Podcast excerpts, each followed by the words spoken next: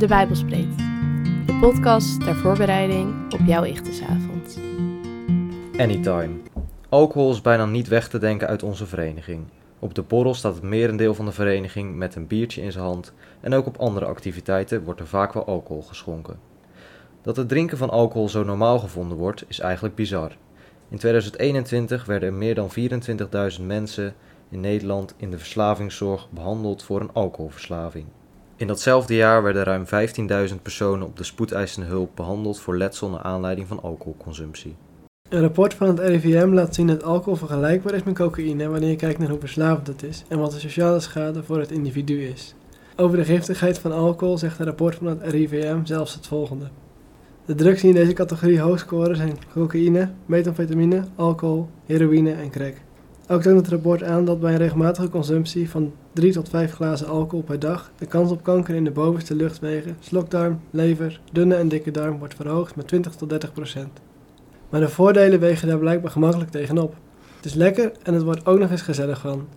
Bovendien kan het prima als christen, want het eerste wonder van Jezus is het veranderen van water in wijn en de prediker lust er ook wel een paar. Het is gemakkelijk om de impact van alcohol op deze manier weg te lachen of er gewoon niet over na te denken. Maar hoe kijk je ernaar als je de voor- en nadelen serieus naast elkaar zet? Het is makkelijker om de meest comfortabele Bijbelteksten als maatstaf te nemen. We hebben het maar al te graag over de zegen die wijn is en over hoe normaal het in de Bijbel is om alcohol te drinken. Maar welke omgang van alcohol voert nou echt de boventoon in het woord van God? Uit de grote hoeveelheid Bijbelteksten die er zijn, lichten we er twee toe. In Lucas 21, vers 34 worden we gewaarschuwd. Pas op dat jullie hart niet afgestompt raakt door de roes en de dronkenschappen en de zorgen van het dagelijks leven, zodat deze dag jullie overvalt. Jezus praat hier over de komst van het koninkrijk van God. Alcohol kan als verdovend middel een grote invloed hebben op je geloofsleven. Denk hierbij bijvoorbeeld aan avonden waardoor je de alcohol bepaalde dingen wel of niet hebt gedaan, die tussen jou en God in zijn komen te staan. In het woord van God wordt ook beschreven over hoe we binnen dit onderwerp met onze broers en zussen om moeten gaan. In Romeinen 14, vers 21 staat geschreven: Vlees, wijn of iets anders dat voor uw broeder of zuster een struikelblok vormt, kunt u beter mijden.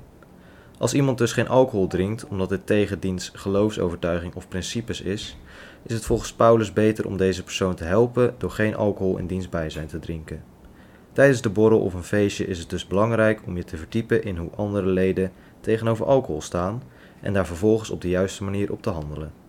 Er zijn een paar Bijbelteksten, zoals bijvoorbeeld de bruiloft te Cana, die vaak genoemd worden om het gebruik van alcohol als christen toch te verdedigen of vorige argumenten te relativeren. Bij die teksten is het goed om te bedenken dat er in de tijd van de Bijbel weinig schoon drinkwater was en het water vaak gemengd werd met wijn om meer vocht te hebben. Daarnaast wordt ook in die teksten het nuttigen van wijn in te grote hoeveelheden nooit aangemoedigd. Als je dit alles bij elkaar optelt, is het dus eigenlijk maar raar dat de cultuur binnen Ichtes zo doorgedrongen is van alcoholgebruik, terwijl er wetenschappelijk als bijbels weinig goeds over te zeggen is. Het zou Ichtes dan ook sieren om niet mee te doen met de slechte gewoonte van de studentenwereld om zoveel alcohol te drinken. Met de bar als centrum van Amnis zou het dan bijvoorbeeld ook zeker niet gek zijn om ook 0.0 bier uit de tap te laten stromen. Overdenking. Hoe denk jij dat God kijkt naar de manier waarop je omgaat met het lichaam dat je van hem gekregen hebt? Wat is voor jou de reden dat je alcohol drinkt? Wat is voor jou de reden dat je na het derde biertje nog een vierde biertje opentrekt? Heer, we danken u voor uw eindeloze genade. Laat ons leven één grote eredienst zijn waar alles om u draait. Geef ons niet meer of minder dan wij aankunnen. Help ons om het lichaam dat u gegeven heeft op de juiste manier te gebruiken. Amen.